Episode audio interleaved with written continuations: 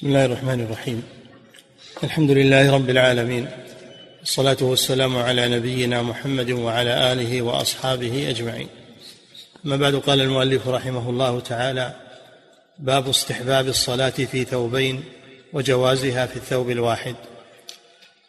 نعم. عن أبي هريرة رضي الله عنه أن سائلا سأل النبي صلى الله عليه وسلم عن الصلاة في ثوب واحد فقال أوى لكلكم ثوبان؟ رواه الجماعة إلا الترمذي.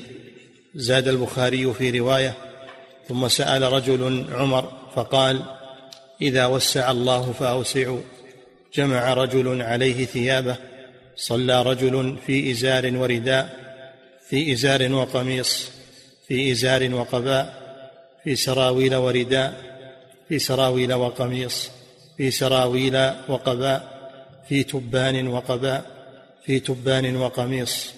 قال وأحسبه قال في تبان ورداء. ما وصلنا إلى حلة السيرة؟ سمي شيخ.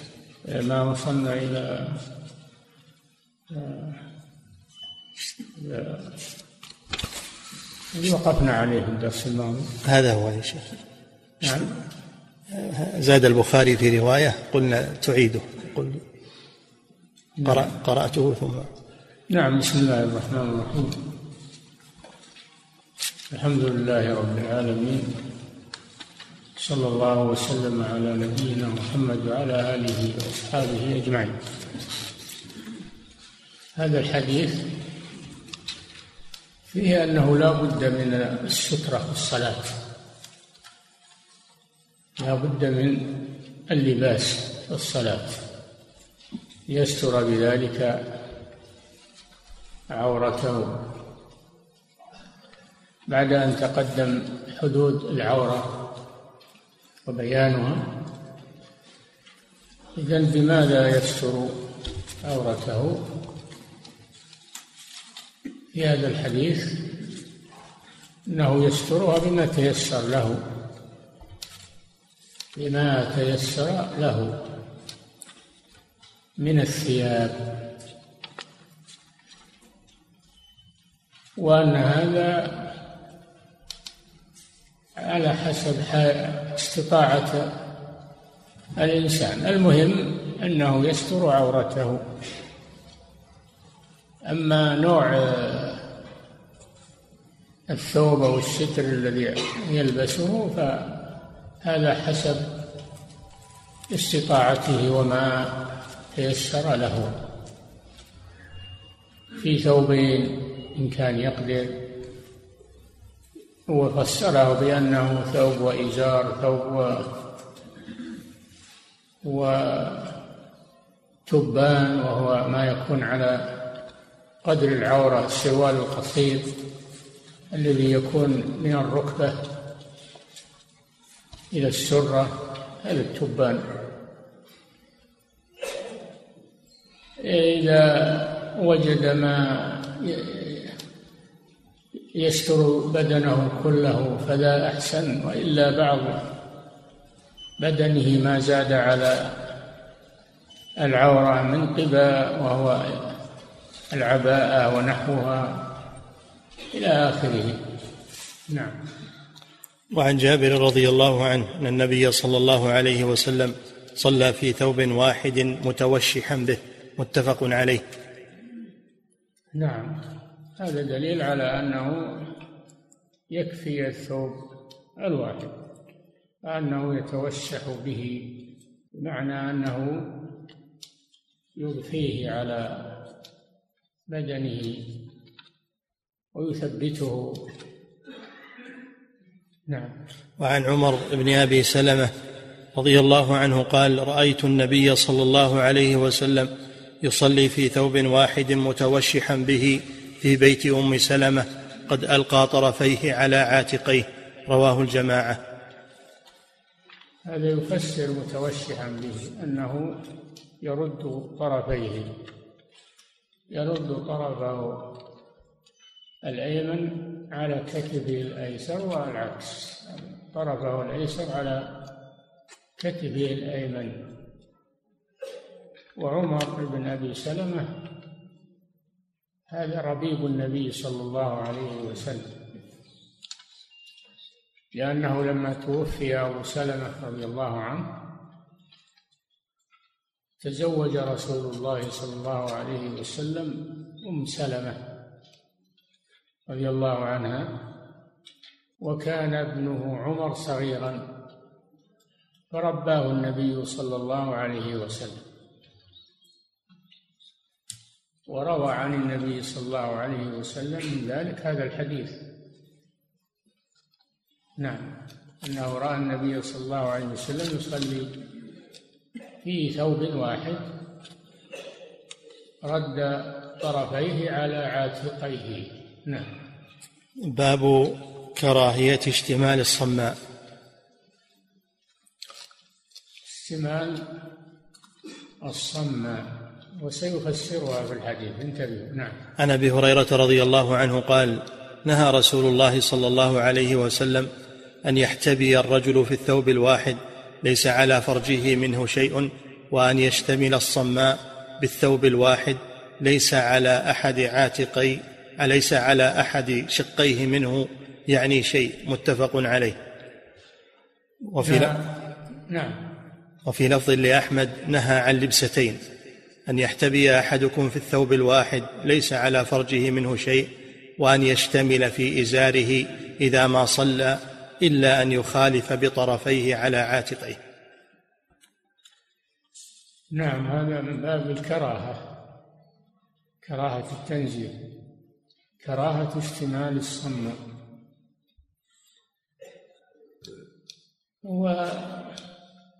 والصماء كما فسرها في الحديث بأنه يصلي في الثوب الواحد ولا يستر أحد عاتقيه أو عاتقيه لأن ذلك أثبت على للثوب ونهى صلى الله عليه وسلم عن الاحتباء بالثوب الواحد.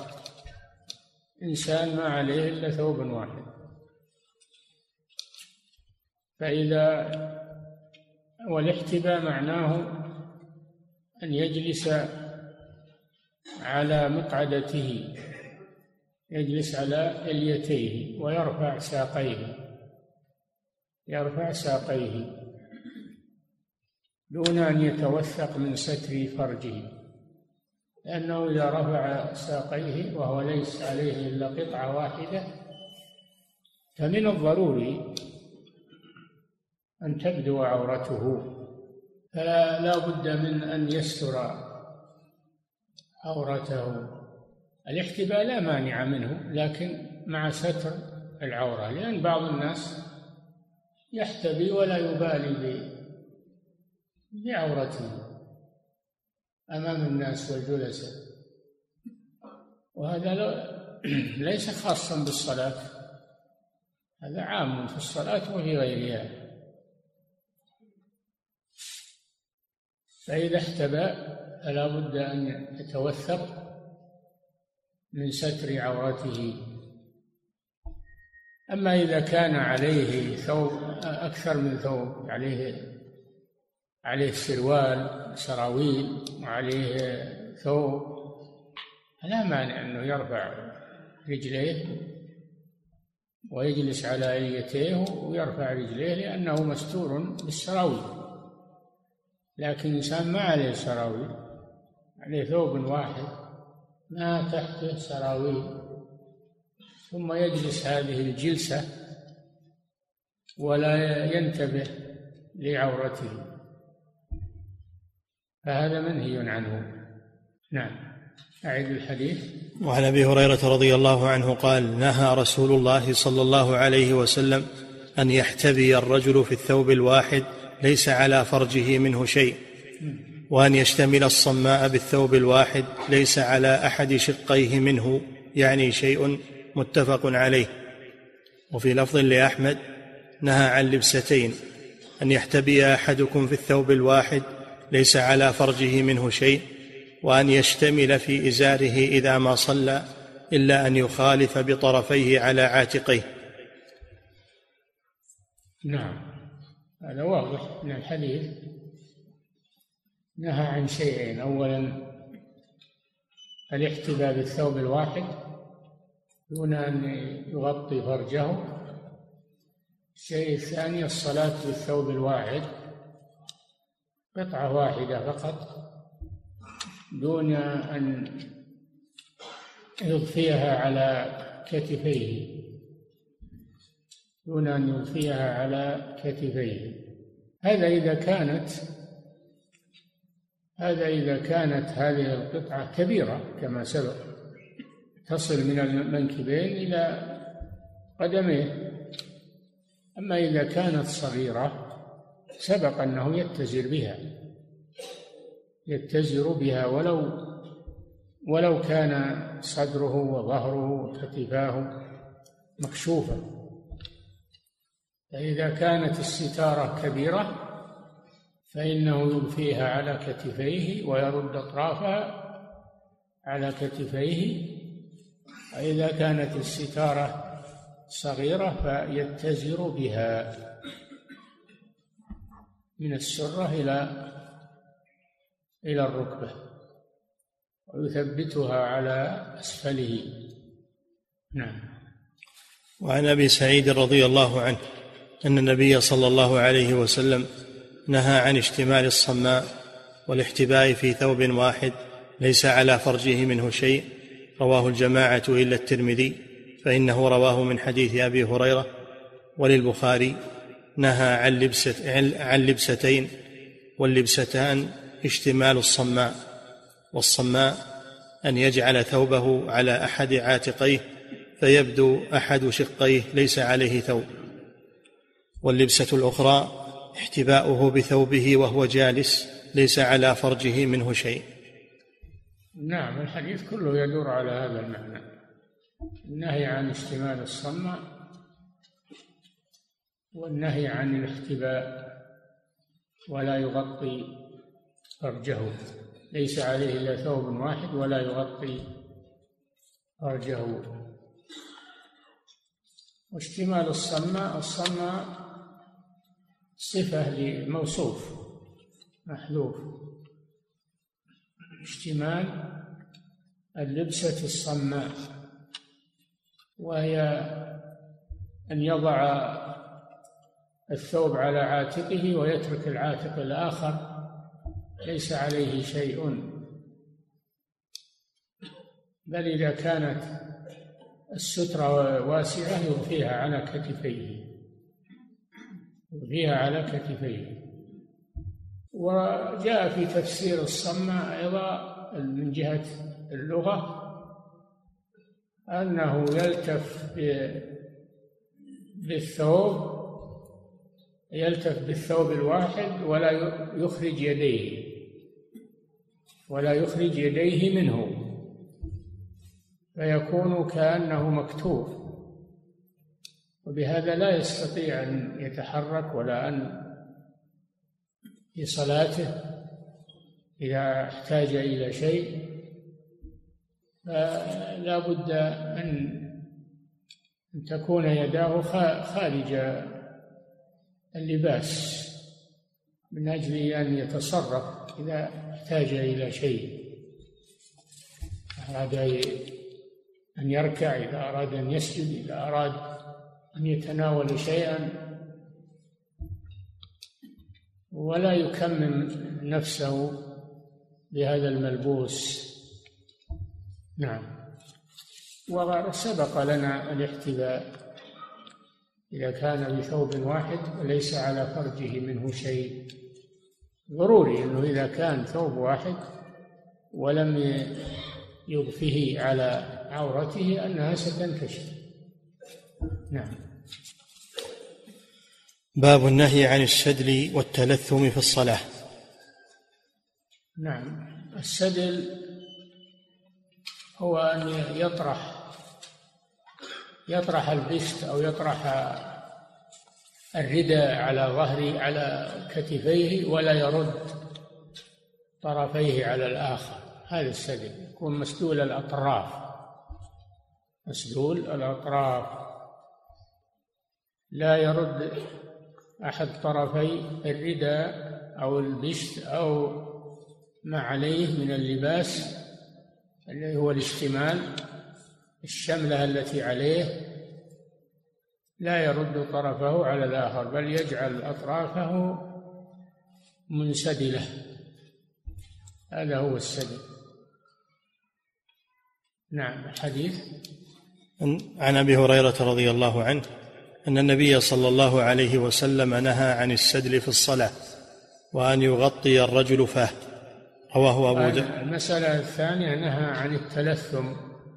أن يغطي الرجل فاه يعني يتلثم في الصلاة فيغطي فمه وأنفه. هذا يسمى بلغة العوام اللطمة. يقولون هذا تشبه بالمجوس عند عبادتهم للنار. فلا يغطي فمه وأنفه إلا من حاجة. إذا كان لحاجة لا بأس. أما إذا لم يكن لحاجة فإنه يكشف فمه وأنفه في الصلاة لأن هذا أوسع له ولا ينكتم نفسه وأجمل له. نعم. عن أبي هريرة رضي الله عنه أن النبي صلى الله عليه وسلم نهى عن السدل في الصلاة وأن يغطي الرجل فاه رواه أبو داود ولأحمد والترمذي منه النهي عن السدل ولابن ماجه منه النهي عن تغطية الفم. نعم كلاهما ورد عن الرسول صلى الله عليه وسلم تغطية الفم باللسان تغطية الفم باللسان في الصلاة والسدل بأن يجعل آه، ملبوسه مفتوحا. يجعل ملبوسه مفتوحا. إذا لم يكن عليه غيره أنه يظهر شيء من بدنه. نعم. باب الصلاة في ثوب الحرير والغصب. نعم. الصلاة في ثوب الحرير يعني المنسوج من الحرير. والثوب الغصب يعني المغصوب. والغصب هو الاستيلاء على حق الغير بغير إذنه أو بغير رضاه. هذا هو الغصب.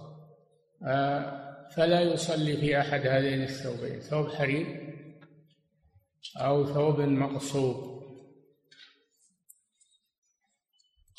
والحرير هو ما يخرج من دود القز من دود القز. دويبة معروفة دويبة معروفة مثل السلو يخرج من فمها شيء مثل الأسلاك مثل الأسلاك قوية وجميلة لينة فيستخرج منها الحرير. وهذا من عجائب قدرة الله سبحانه وتعالى. كيف هذه الدويب الحشرة الصغيرة؟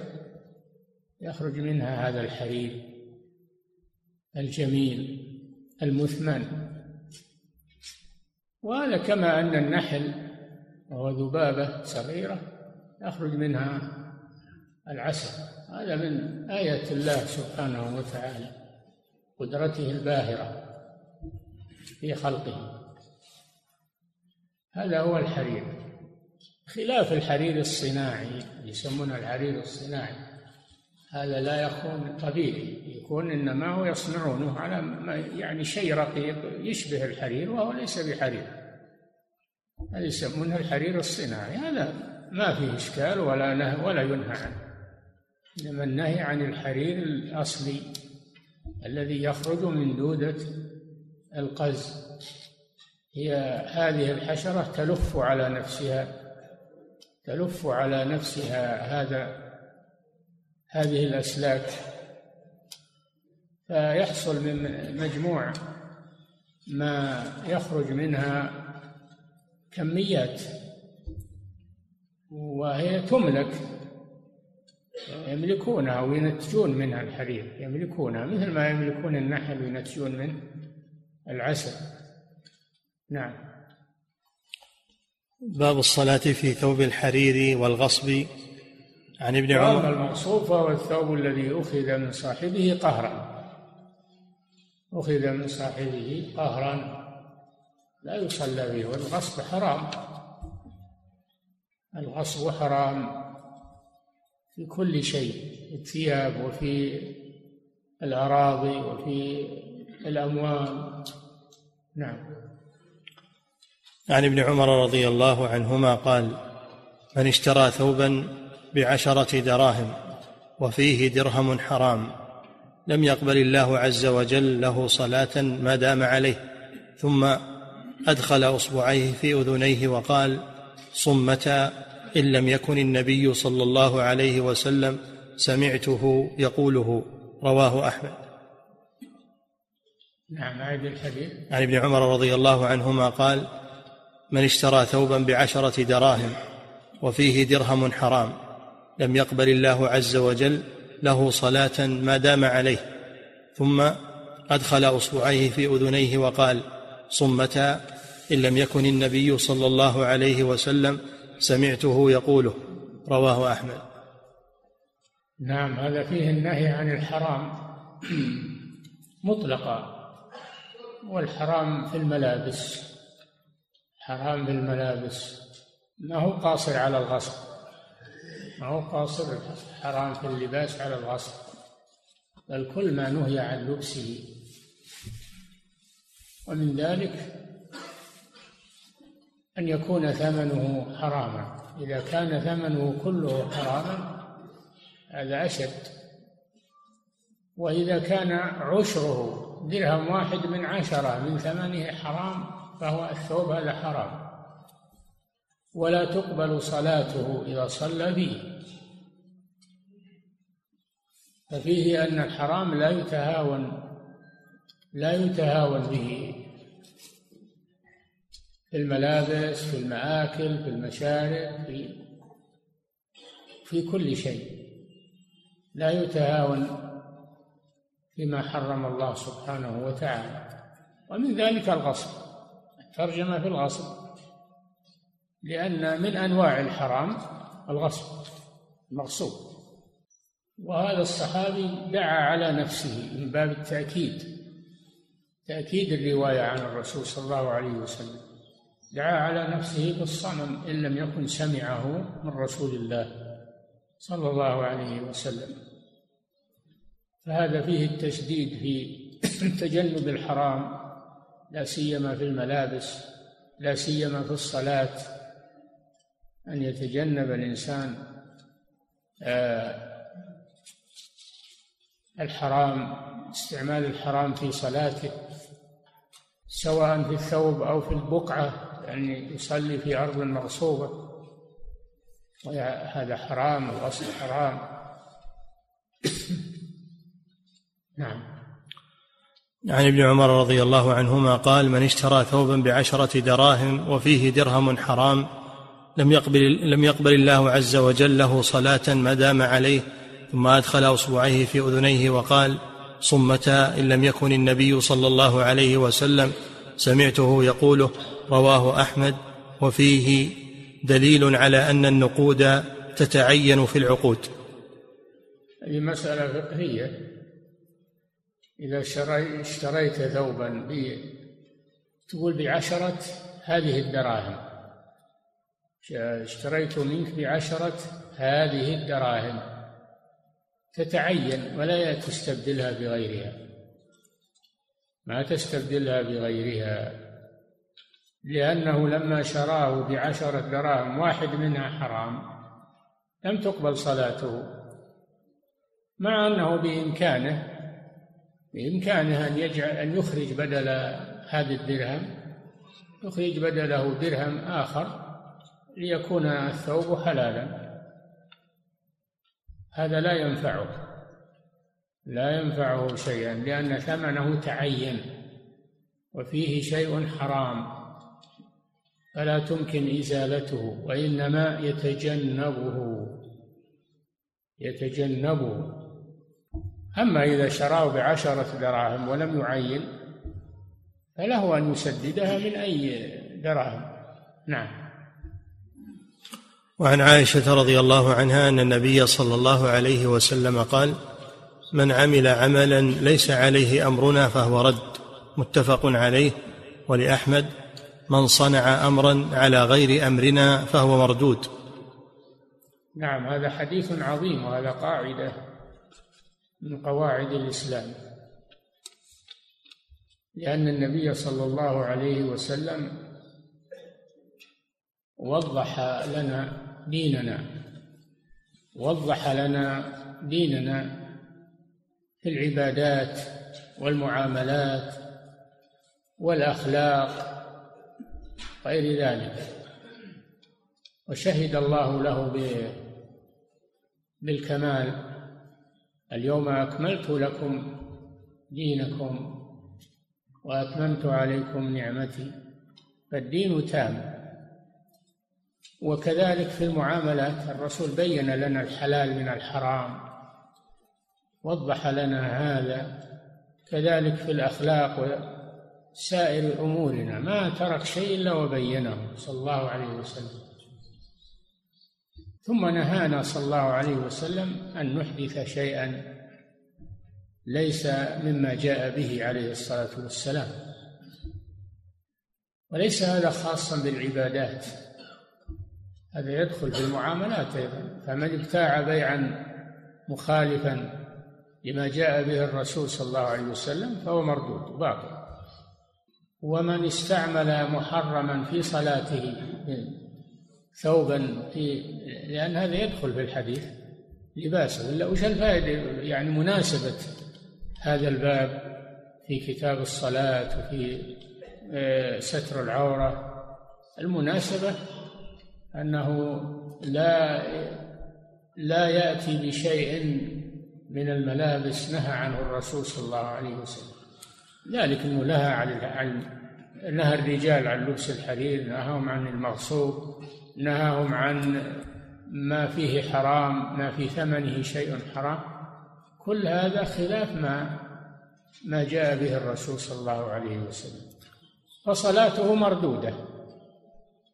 لم تقبل منه صلاة إذا كان في ثوبه درهم من من عشرة عشر عشر ثمنه حرام لا تقبل صلاة. كذلك إذا صلى في ثوب حرير أو في ثوب مغصوب أو أي حرام لم تقبل صلاته لأن هذا خلاف ما جاء به الرسول صلى الله عليه وسلم. من أحدث بأمرنا هذا ما ليس منه فهو رد أي مردود عليه. ومن ذلك الصلاة. إذا استعمل فيها شيئا محرما فهي مردودة عليه ولا تقبل لأنه أحدث شيئا على غير ما جاء به الرسول صلى الله عليه وسلم. أعيد الحديث. هذا حديث عظيم من قواعد الدين.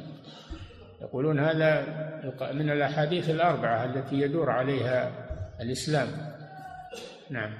وعن عائشة رضي الله عنها أن النبي صلى الله عليه وسلم قال من عمل عملا ليس عليه أمرنا فهو رد متفق عليه ولأحمد من صنع أمرا على غير أمرنا فهو مردود. صنع أو عمل المعنى واحد. وهو مردود رد ومردود. اذا يكون رد هذا مصدر بمعنى مردود كما في الرواية. الثانية فهو مصدر يراد به اسم المفعول. رد يعني أمره مردود عليه ولا يقبله الله سبحانه وتعالى. فكل شيء يخالف ما جاء به الرسول فهو مردود. مردود على صاحبه. ومن ذلك الصلاة. إذا صلى في شيء فيها ما يخالف ما جاء به الرسول من الأقوال والأفعال والنيات والمقاصد وغير ذلك هي مردودة على صاحبها لا تقبل منه. عند الله سبحانه وتعالى. وهذا فيه رد على من يقسم البدع إلى بدعة حسنة وبدعة سيئة. لأن هذا الحديث عام في المنع من البدع. من أحدث بأمرنا هذا عام. ما ليس منه فهو رد. ولم يستثني شيئا. وفي الحديث الآخر وإياكم ومحدثات الأمور فإن كل محدثة بدعة وكل بدعة ضلالة كل بدعة ضلالة. إذا من يقول إن في الإسلام بدعة حسنة هذا كذاب ومخطئ. لأن ليس هناك بدعة حسنة والرسول يقول كل بدعة ضلالة هذا مخالف. ومعارض للرسول صلى الله عليه وسلم. نعم.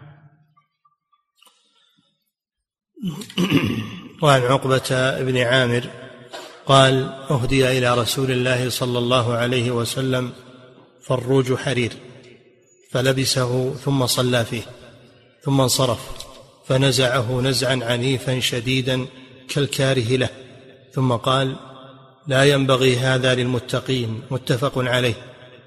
وهذا محمول على أنه لبسه قبل تحريمه إذ لا يجوز أن يظن به أنه لبسه بعد التحريم في صلاة ولا غيرها ويدل على إباحته في أول الأمر. ما روى أنس بن مالك أن أكيدر دومه دومه. أن أكيدر دومه أهدى. دومه يعني دومة الجندل نعم. ما روى أنس بن مالك أن أكيدر دومه أهدى إلى النبي صلى الله عليه وسلم جبة سندس أو ديباج. الجندل هي الجوف. تعرفون الجوف؟ وهو دومه الجندل. نعم. أن أكيدر دومه أهدى إلى النبي صلى الله عليه وسلم جبة سندس أو ديباج قبل أن ينهى عن الحرير فلبسها فتعجب الناس منها فقال والذي نفس محمد بيده لمناديل سعد بن معاذ في الجنة أحسن منها رواه أحمد. نعم وهدي النبي صلى الله عليه وسلم فروج من من حرير يعني نوع من اللباس من الحرير. أهداه له أكيدر دومة الجندل وهو من ملوك النصارى ومن ملوك النصارى. وكان مستوليا على دومة الجندل وله قصر فيها آثاره إلى الآن تسمى يسمى قصر الأكيدر من من الحجارة. فأهدى إلى النبي صلى الله عليه وسلم هذا اللباس. والنبي صلى الله عليه وسلم يقبل الهدايا يقبل الهدايا ولا يأخذ الصدقات. عليه الصلاة والسلام. حتى من الكفار يقبل الهدية حتى من الكفار. قد أهدى إليه الوكيدر وأهدى إليه المقوقس ملك مصر ويقبل هذا عليه الصلاة والسلام. في قبول الهدية من من الكافر إذا كانت مباحة إذا كانت من الأشياء المباحة. هذا لا يدخل في الولاء والبراء هذا من التعامل. يجب الفرق بين التعامل في المباحات وتبادل المصالح وبين الولاء والبراء. هذاك في الدين والعقيدة. لأن يعني بعض الجهال يحسب إن الولاء والبراء إنه كل شيء وأنك ما تعامل مع الكفار بشيء. هذا غلط. وأنك ما تحسن إليهم إذا أحسنوا إليك. إذا أحسنوا إليك ما ترد الجميل. هذا غلط. فيجب معرفة هذه الأمور والتفصيل في هذا الأمر. والشاهد من هذا أن النبي صلى الله عليه وسلم صلى في هذا الملبوس من الحرير. صلى فيه فلما صلى نزعه نزعه بشدة. وأخبر صلى الله عليه وسلم أن جبريل عليه السلام أمره بذلك. فهذا يدل على أن لبسه له وصلاته فيه قبل أن ينهى عن ذلك. فلما نهي بادر إلى الامتثال عليه الصلاة والسلام. فلبس الحرير كان في أول الأمر غير منهي عنه ثم نهي عنه. الرجال خاصة فالرسول بادر بنزعه. نعم. ولم يعد الصلاة لأنه لأنه لبسه قبل النسخ وقبل النهي.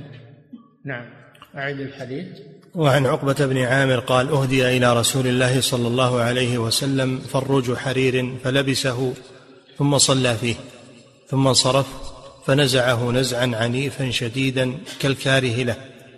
يعني صلى فيه قبل النهي ثم جاءه جبريل بالنهي عن الحرير فنزعه وبادر بالامتثال لأمر ربه سبحانه وتعالى. فنزعه فنزعه نزعا عنيفا شديدا كالكاره له. نزعه نزعا عنيفا شديدا. ما نزعه بسهولة أو بتباطؤ هذا من مبادرته صلى الله عليه وسلم. كالكاره له فهذا فيه أن أن الرسول يكره الحرام. كذلك المسلم يجب أنه يكره الحرام كراهية شديدة. نعم. ثم انصرف فنزعه نزعا عنيفا شديدا كالكاره له ثم قال لا ينبغي هذا للمتقين. متفق عليه. لا ينبغي هذا اللباس لباس الحرير للمتقين بل هو لباس غير المتقين من الكفار والفاسقين و... نعم. وهذا محمول على أنه لبسه هذا قبل كلام المؤلف رحمه الله هذا كلام المؤلف رحمه الله. وهذا من ميزات هذا الكتاب أن المؤلف رحمه الله يأتي بفوائد عظيمة. نعم. وهذا محمول على أنه لبسه قبل تحريمه. قبل تحريمه قبل أن يأتيه البلاغ من الله عز وجل بواسطة جبريل. نعم. وهذا محمول على أنه لبسه قبل تحريمه إذ لا يجوز أن يظن به أنه لبسه بعد التحريم في صلاة يظن بالرسول هذا. نزع بشدة. أشد ما يكون من النزع.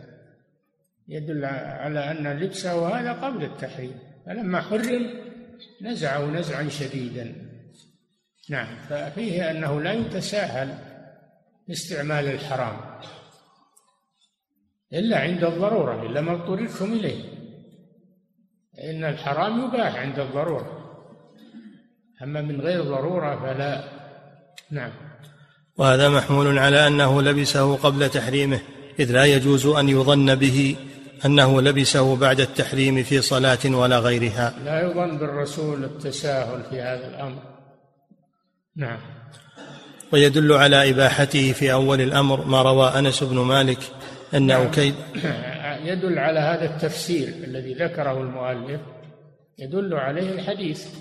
ويدل على ويدل على إباحته في أول الأمر ما روى أنس بن مالك أن أكيدر دومة أهدى إلى النبي صلى الله عليه وسلم جبة سندس أو ديباج قبل أن ينهى عن الحرير. سندس أو ديباج نوعان من الحرير. السندس حرير والديباج ما غلظ من الحرير. نعم.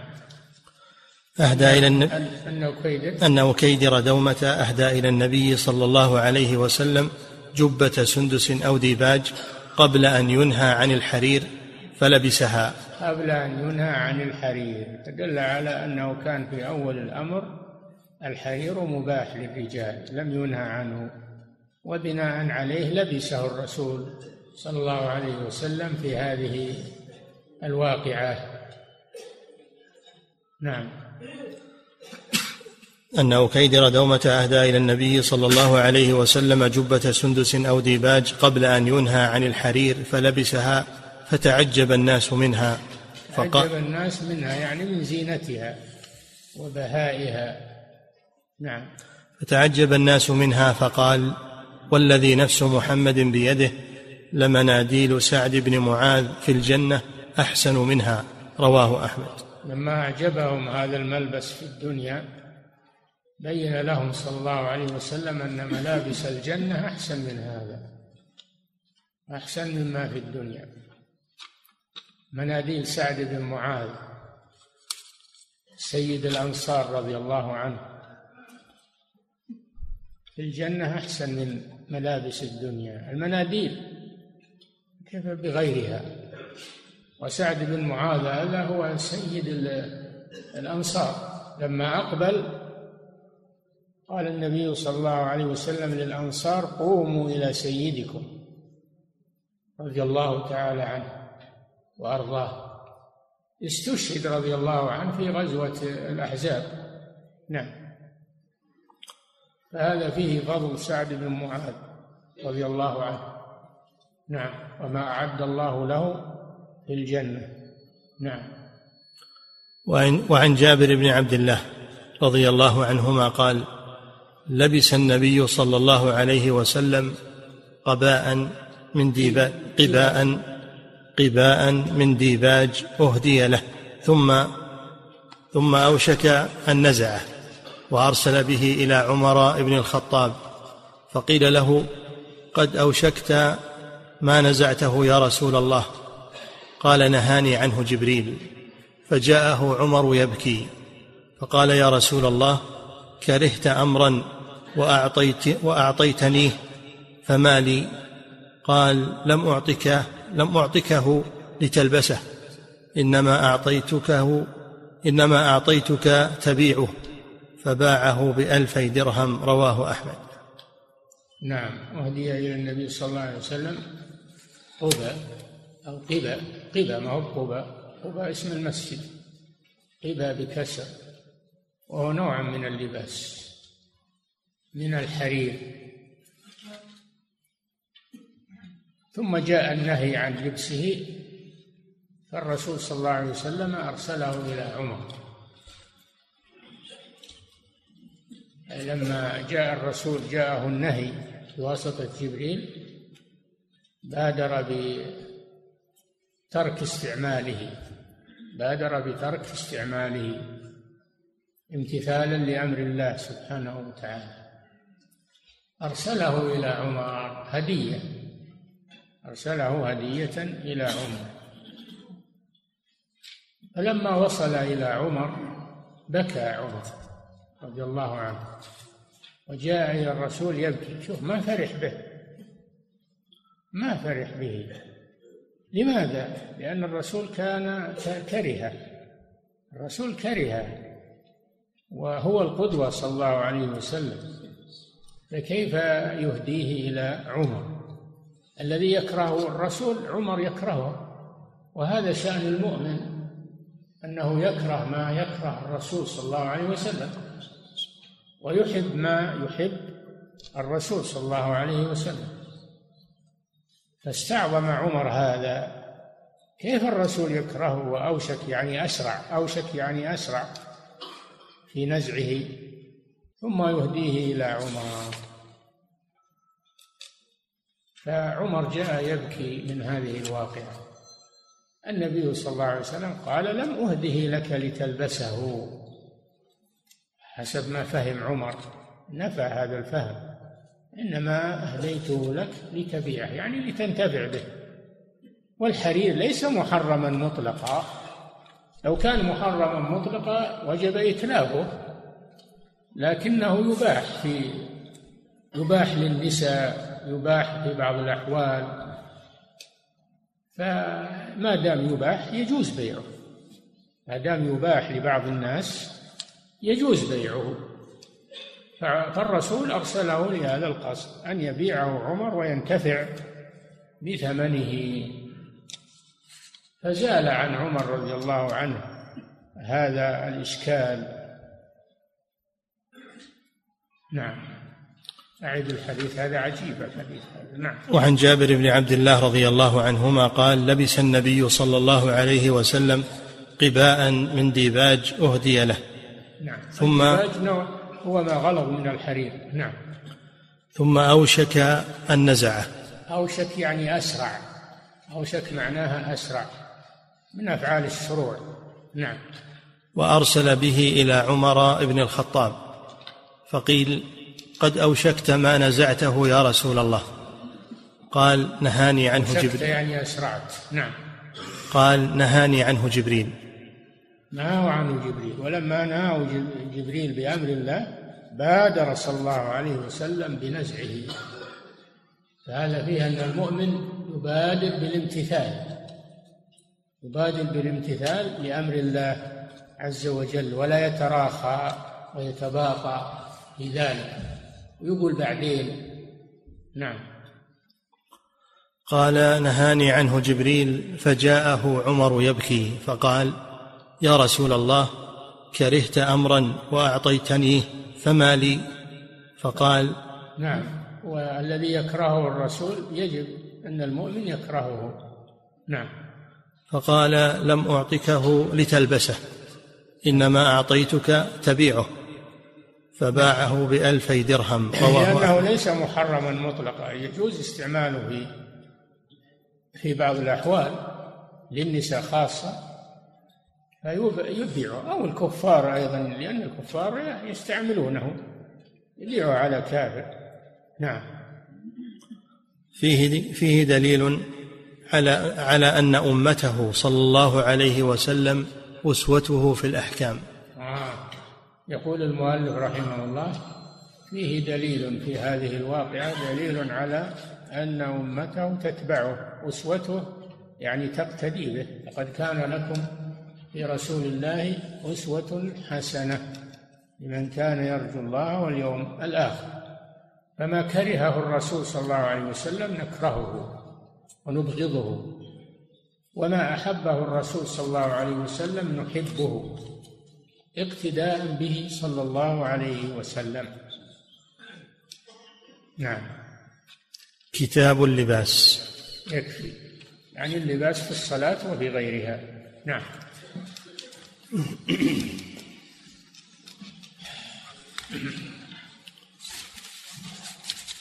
فضيلة الشيخ وفقكم الله. ما الذي جعل النهي في اشتمال الصماء للكراهة مع صراحة النهي؟ وهل هناك قاعدة عامة لحمل النهي على الكراهة؟ فقد سمعت أن الأمر أو النهي إذا كان في باب الأدب فإنه يكون للاستحباب. إذا كان في باب الأدب فإنه يكون للاستحباب. فهل هذا صحيح؟ نعم هذه قاعدة عندهم هذه قاعدة عندهم النهي إذا كان في باب الأدب يكون للكراهة التنزيل وإذا كان الأمر فهو للاستحباب. نعم. فضيلة الشيخ وفقكم الله الذي يضع البشت على كتفيه ولا يدخل يداه فيه في الصلاة فهل هذا من اشتمال الصماء؟ لا عليه غيره. لو ما عليه إلا البشت فهو من اشتمال الصماء. لأنه تبدو عورته. أما إذا كان عليه ثياب وسراويل فلا مانع. نعم. وهل يعتبر حفظك الله يقول هذا من السدل؟ هو نعم ما ينبغي أنه يستعمل السدل هذا مكروه له لكن يجوز مو جائز. نعم. لأن عورته مستورة. نعم. فضيلة الشيخ وفقكم الله في كلمة سراويل يقول هل الصحيح سروال؟ لا لا. ما في اللغة سروال سراويل. هو واحد يسمى اسمه بجمع لا تظنون إن هذا جمع هذا اسم واحد. سراويل يسمى.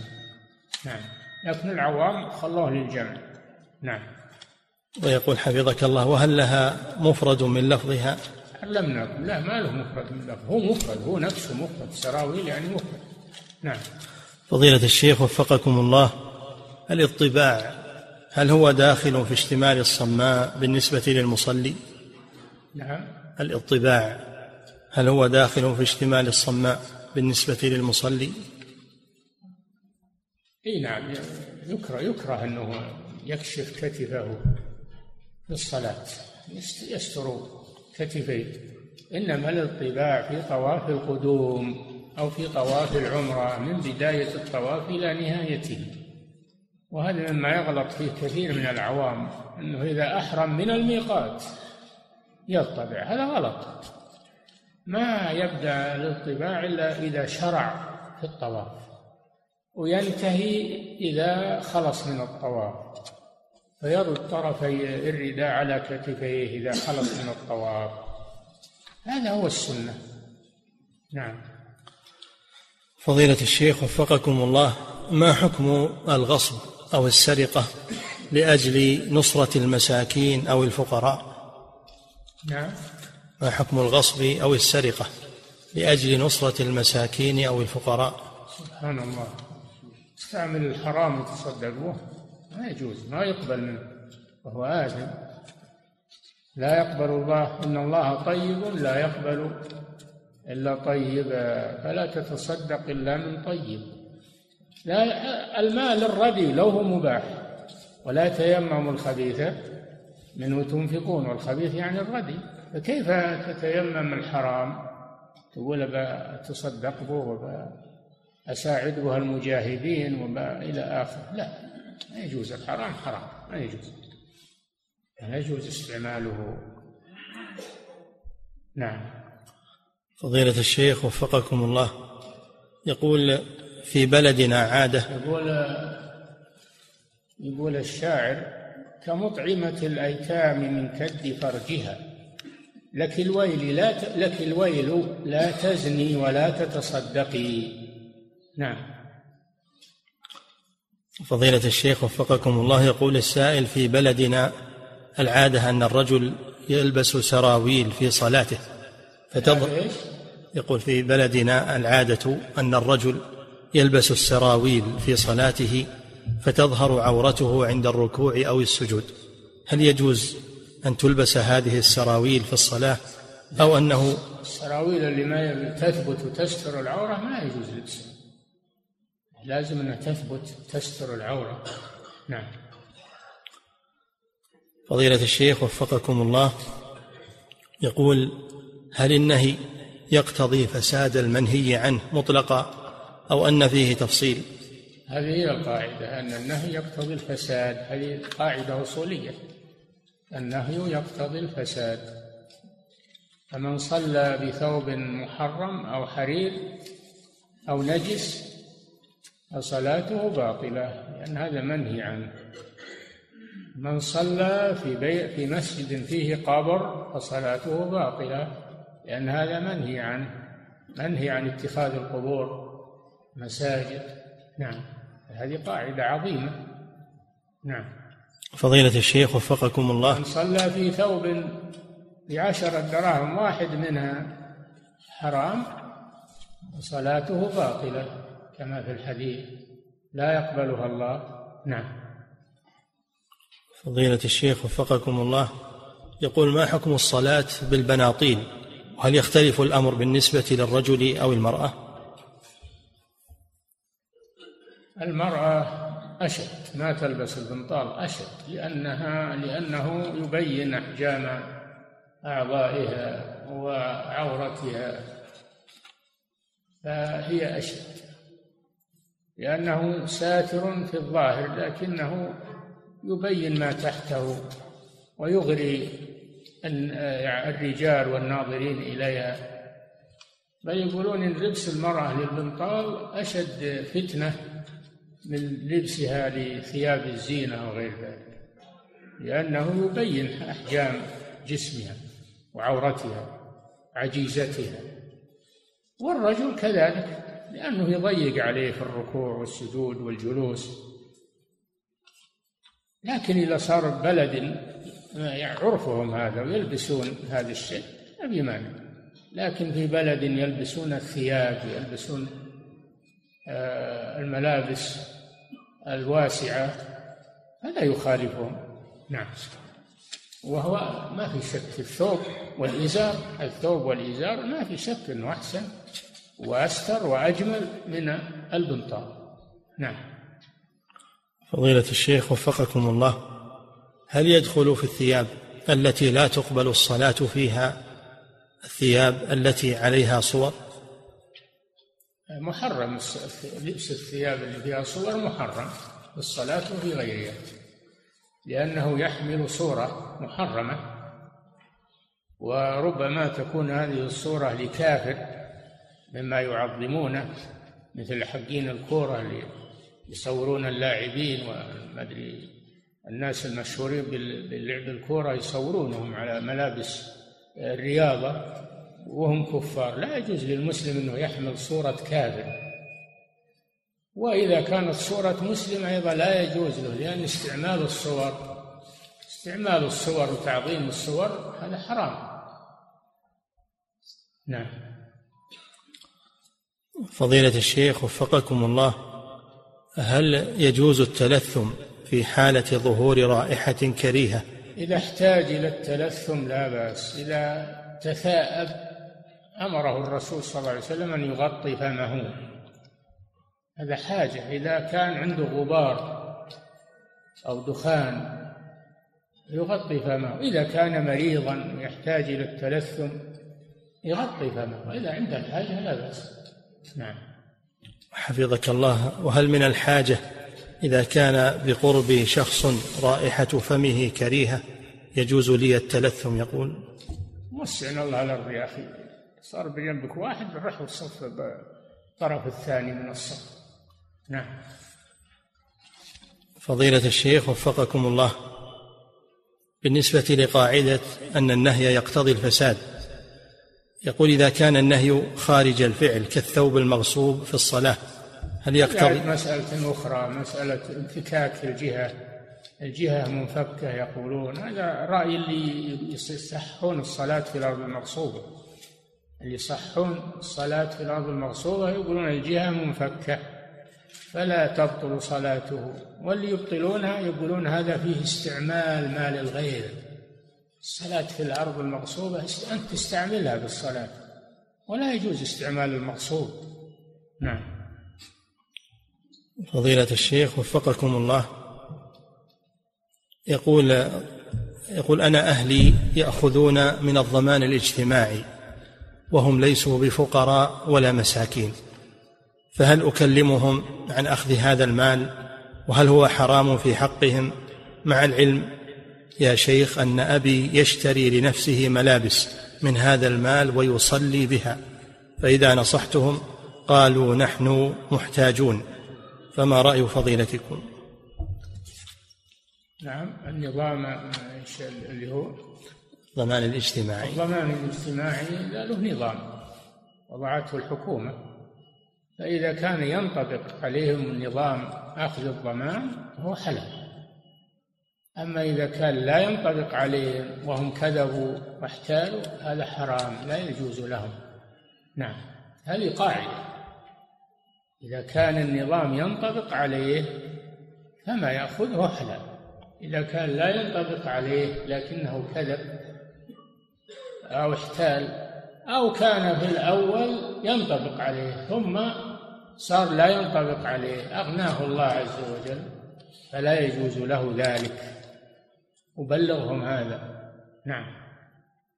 فضيلة الشيخ وفقكم الله من صلى وفي جيبه شيء من الحرام كالدخان أو شيء مسروق فهل صلاته باطلة؟ صلاته صحيحة. صلاته صحيحة. لأن هذا ما يدخل في سترة الصلاة ولا في لكنه مستصحب. هذا يكون مستصحبا لشيء محرم. فصلاته صحيحة. ولكن يتخلص من هذا المحرم ولا يستصحبه معه. نعم. فضيلة الشيخ وفقكم الله يقول هل يجوز بيع الحرام والانتفاع بثمنه؟ لا. لا يجوز. إن الله في الحديث الصحيح إن الله إذا حرم شيئا حرم ثمنه. فلا يجوز بيع الخمر بيع الدخان بيع القات بيع الحشيش. والمخدرات كل شيء حرام ثمنه حرام هذه قاعدة. إن الله إذا حرم شيئا حرم ثمنه. واليهود لما حرمت عليهم الشحوم يعني سبب هذا الحديث أن اليهود لما حرمت عليهم شحوم الميتة جملوها يعني أذابوها. أذابوها بدل ما تصير شحوم صارت ودك. تعرفون الودك صارت ودك. قالوا إحنا ما بعنا شحوم بعنا ودك. جملوها فباعوها فأكلوا ثمنها. نعم. فضيلة الشيخ وفقكم الله هل يجوز بيع التلفاز استنادا لحديث جابر رضي الله عنه في بيع عمر للحرير؟ جابر أفتى ببيع التلفاز؟ نعم. أعد السؤال. يقول هل يجوز بيع التلفاز استنادا لحديث جابر رضي الله عنه ببيع عمر للحرير؟ إذا علمت أن هذا الرجل سيلبس الحرير فلا تبعه عليه. إذا علمت أن هذا الرجل يستعمل التلفاز للبرامج السيئة والبرامج الهابطة فلا تبعه عليه لأن هذا من التعاون على الإثم والعدوان. نعم. فضيلة الشيخ وفقكم الله. يقول قالوا لا يباع السلاح لمن يقاتل في الفتنة. لا يجوز البيع عليه. كذلك لا يباع العنب لمن يتخذه خمرا. فلا يعان على الباطل. نعم. فضيلة الشيخ وفقكم الله. يقول شخص سرق من آخر ثوبا ثم بعد فترة تاب من عمله. وأراد أن يرجع ذلك المسروق ولكن الثوب قد صار قديما فهل يجب عليه أن يشتري له غيره يشتري ثوبا جديدا؟ نعم إذا لم يسامحه صاحب الثوب فيأتيه بثوب مثله يأتيه بثوب مثلها وأحسن منه. نعم. ويقول حفظك الله وإذا اشترى الجديد له فهل يجوز له أن يستعمل القديم المسروق؟ لا يرد عليه. يرد عليه لأنه مال خبيث ومال سيء. مع استسماح الرجل لأنه حبس ثوبه عليه وحرمه منه فترة استسمحه نعم. فضيلة الشيخ وفقكم الله يقول يوجد في منزلنا قطع من السجاد مصنوعة من الحرير وتفرش في المجلس في المناسبات بحيث يتم المشي عليها. فهل هذا جائز؟ إذا كانت من الحرير الطبيعي الأصلي فلا يجوز. أما إذا كان حرير صناعي هذا لا يأخذ حكم الحرير. يجوز. أما إذا كانت من الحرير الأصلي فلا يجوز استعمال يعني فرشها ولا المرور عليها ولا تعليقها على الجدار زينة ولا. نعم. فضيلة الشيخ وفقكم الله يقول آمل التكرم ببيان يعني سيأتي إن شاء الله. سيأتي افتراش الحرير. سيأتي له باب. نعم. يقول فضيلة الشيخ وفقكم الله آمل التكرم بالرد على من يقول بتطهير المال الربوي بعد قبض الأرباح وأن الحديث في الثوب وهو وفيه درهم من حرام أن هذا حديث ضعيف. يقول فما الجواب عن ذلك؟ شوف الحديث مرة كيف لنا الحديث من الذي رواه؟ هم لا ما جاز لهم الحديث قالوا ضعيف. وإذا جاز لهم الحديث لو هو موضوع قالوا هذا صحيح. لا. نعم. يقول رواه الإمام أحمد إيه. في الحاشية علق عليه. إيش يقول؟ يقول أخرجه أحمد والبيهقي وعبد بن حميد والخطيب وفي إسناده بقية ابن الوليد قال البيهقي تفرد به بقية بإسناده هذا وهو إسناد ضعيف والحديث ضعفه الإمام أحمد. قال ابن عبد الهادي في التنقيح قال أبو طالب سألت أبا عبد الله عن هذا الحديث فقال ليس بشيء ليس له إسناد. نعم والحديث نصه عن ابن عمر قال من اشترى ثوبا بعشرة دراهم وفيه درهم حرام لم يقبل الله عز وجل له صلاة ما دام عليه ثم أدخل أصبعيه في أذنيه وقال صمتا إن لم يكن النبي صلى الله عليه وسلم سمعته يقوله رواه أحمد.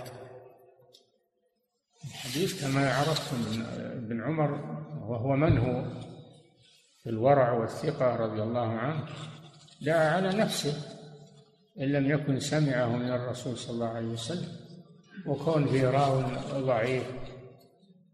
الكلام إذا كان السا إذا كان المتن إذا كان المتن يعني واضح المتن واضح الآن أن ابن عمر متأكد من هذا. السند يأتي ما ما يعضد هذا الحديث من النهي عن الحرام استعمال الحرام. وأبو بكر رضي الله عنه لما أكل شيئا حراما وهو لم يعلم وأخبره أخبره الذي جاء به أنه من من تكهن تكهنه الجاهلية كان له مولى يكتسب فجاءه بطعام فأكله ثم أخبره مولاه أو الذي خارجه أنه تكهن لأناس في الجاهلية وأعطوه هذا الشيء فأدخل رضي الله عنه أصبعيه في حلقه وتقيأ هذا الطعام. وقال لو لو لم يخرج إلا مع نفسي لأخرجتها. إني سمعت رسول الله صلى الله عليه وسلم يقول كل كل جسم نبت من السحت النار أولى به. فلا يجوز استعمال والربا الربا والعياذ بالله خبيث. نخبث المكاسب نخبث المكاسب الربا. بالكتاب والسنة والإجماع. فلا ولا يطهره مش اللي يطهر الربا. ما يطهره شيء ربا سحت. فلا يجوز الكلام هذا. الربا إذا تبت منه وهو عندك تخلص منه. لا تبقيه في ملكك. تخلص منه بأن تضعه في مشروع عام من المشاريع. كالمال الضائع الذي ليس له أحد. نعم. فضيلة الشيخ وفقكم الله هل يجوز لمن عنده مرض كالحساسية في الجلد حساسية شديدة هل يجوز له أن يلبس الحرير المحرم؟ نعم الرسول صلى الله عليه وسلم رخص لأناس فيهم الجرب والحكة أن يلبس من صحابته رخص لهم في لبس الحرير. نعم. فضيلة الشيخ وفقكم الله هل في بيع هل ما ورد في بيع القباء دليل على جواز بيع الهدية عكس ما هو مشتهر بين الناس أن الهدية لا تباع؟ المعنى من بيعها. إذا تمولتها أو قبلتها أو تمولتها تصرف فيها ببيع أو غير أو هبة أو غير ذلك. نعم. فضيلة الشيخ وفقكم الله يستدل من يقول بأن هناك بدعة حسنة. بقول عمر بن الخطاب رضي الله عنه نعمة البدعة هذا هذه بدعة لغوية ليست بدعة دينية. جمعهم على إمام واحد بعدما قال العهد بعد الرسول صلى الله عليه وسلم جمعهم عليه. هذه بدعة لغوية ولا التراويح خلف الإمام سنة فعلها الرسول صلى الله عليه وسلم. لكن تركها خشية يعني ترك الخروج إليهم خشية أن تفرض عليهم. وبعد وفاة الرسول انتهى التشريع. فجمعهم عمر على إمام واحد كما كانوا في عهد النبي صلى الله عليه وسلم. وهذا من باب البدعة اللغوية لا الشرعية لأن هذا السنة ما هو بدعة. نعم. فضيلة الشيخ وفقكم الله. يقول هل إذا أهدى الكافر للمسلم هدية فيها شعارهم وهو الصليب إذا كانوا نصارى هل يقبلها؟ لا. ما يقبل شعار النصارى ولا يحمله. نعم. فضيلة الشيخ وفقكم الله هل يجوز بيع الحرير للرجال إذا كان المشتري كافرا؟ إذا كان يعني يعطيه لأهله أو يعطيه يتصرف فيه بغير اللبس أشهر مثل ما أعطاه الرسول لعمر هو على أنه يلبسه على أنه يتصرف فيه بأنواع التصرفات. نعم. فضيلة إذا باعه للكافر على أنه يلبسه. لا أنه يستعمله في غير اللبس. نعم. فضيلة الشيخ وفقكم الله. يقول بعض الشباب يلبسون قمصان بعض الأندية الرياضية. بعض الشباب يلبسون قمصانا لبعض الأندية الرياضية ويكون شعار هذا النادي هو الصليب أو فيه صليب. فما حكم الصلاة في الثياب التي عليها صليب؟ الصلاة تصح لكن مع الإثم. الصلاة تصح لكن يأثم على على لبس الصليب. نعم. فضيلة الشيخ وفقكم الله هل كلمة سندس كلمة عربية؟ نعم. كل ما في القرآن فهو عربي سواء عربيا أصيلا أو معربا. فيها ألفاظ معربة صارت عربية. لما عربت صارت عربية. نعم. فضيلة الشيخ وفقكم الله بعض المصلين جل وعلا قال يعني القرآن بلسان عربي مبين. نعم. فإذا عرب اللفظ صار عربيا. نعم. فضيلة الشيخ وفقكم الله يقول بعض المصلين يجعلون أطراف الشماغ على الكتف فهل هذا يؤثر في كمال الصلاة؟ وهل إيش؟ بعض المصلين يجعلون أطراف شماغهم على الكتف فهل هذا يؤثر في كمال الصلاة؟ وهل هذا يعتبر من كف الثياب؟ لا ما يعتبر ولا يؤثر في الصلاة حتى لو صلى وما عليه شماغ صلاته صحيحة. ولا لبس الشماغ على أي صفة. لو عمم رأسه ولفه على رأسه لو خلاه على كتفيه لا كله جائز. نعم. فضيلة الشيخ وفقكم الله من لبس الحرير أو شرب الخمر في الدنيا ثم تاب منها فهل يلبسه ويشرب الخمر في الآخرة؟ إذا تاب تاب الله عليه. التائب من الذنب كمن لا ذنب له. لكن المؤمن المؤمن اللي يشرب اللي يشرب الخمر المؤمن هذا ما يكفر هو مؤمن يدخل الجنة لكن يحرم من من من خمر الجنة. يحرم من خمر الجنة. كذلك الحرير كذلك الأواني الذهبية التي حرمت على المسلمين. الجنة أوانيها من ذهب. فيحرم منها يوم القيامة؟ عقوبة له وإن دخل الجنة. نعم. فضيلة الشيخ وفقكم الله الاحتباء يوم الجمعة عند الخطبة هل هو جائز أم مكروه؟ إذا كان ساترا لعورته فلا بأس. خصوصا أن بعض الناس يتعب من الجلوس فيحتاج إلى الاحتباء. ما في مانع. الكلام على ستر العورة إذا كانت مستورة فلا بأس. نعم. فضيلة الشيخ وفقكم الله نسمع من بعض العلماء قولهم عند الإجابة على أسئلة لا أصل له. فهل يعني هذا أن هذا العمل بدعة؟ ما دام أنه لا أصل له فهو بدعة. العمل لا بد يكون له دليل صحيح من الكتاب والسنة. نعم. فضيلة الشيخ وفقكم الله يقول هل يكره أكل الضب؟ لأن النبي صلى الله عليه وسلم كره أكله. الرسول كره أكله كراهة طبيعية ما هي شرعية؟ لأنه ليس بأرض قومه ما اعتاد أكله عليه الصلاة والسلام. أو يكرهه كراهة طبيعية إلا يطلب من المباحات. نعم. فضيلة الشيخ لأنه طيب ولا يأكل إلا من الطيب يأكل حشيش وزرع يعني يأكل شيء من النباتات الطيبة. نعم ما يأكل الخبائث. يأكل من العشب من نعم.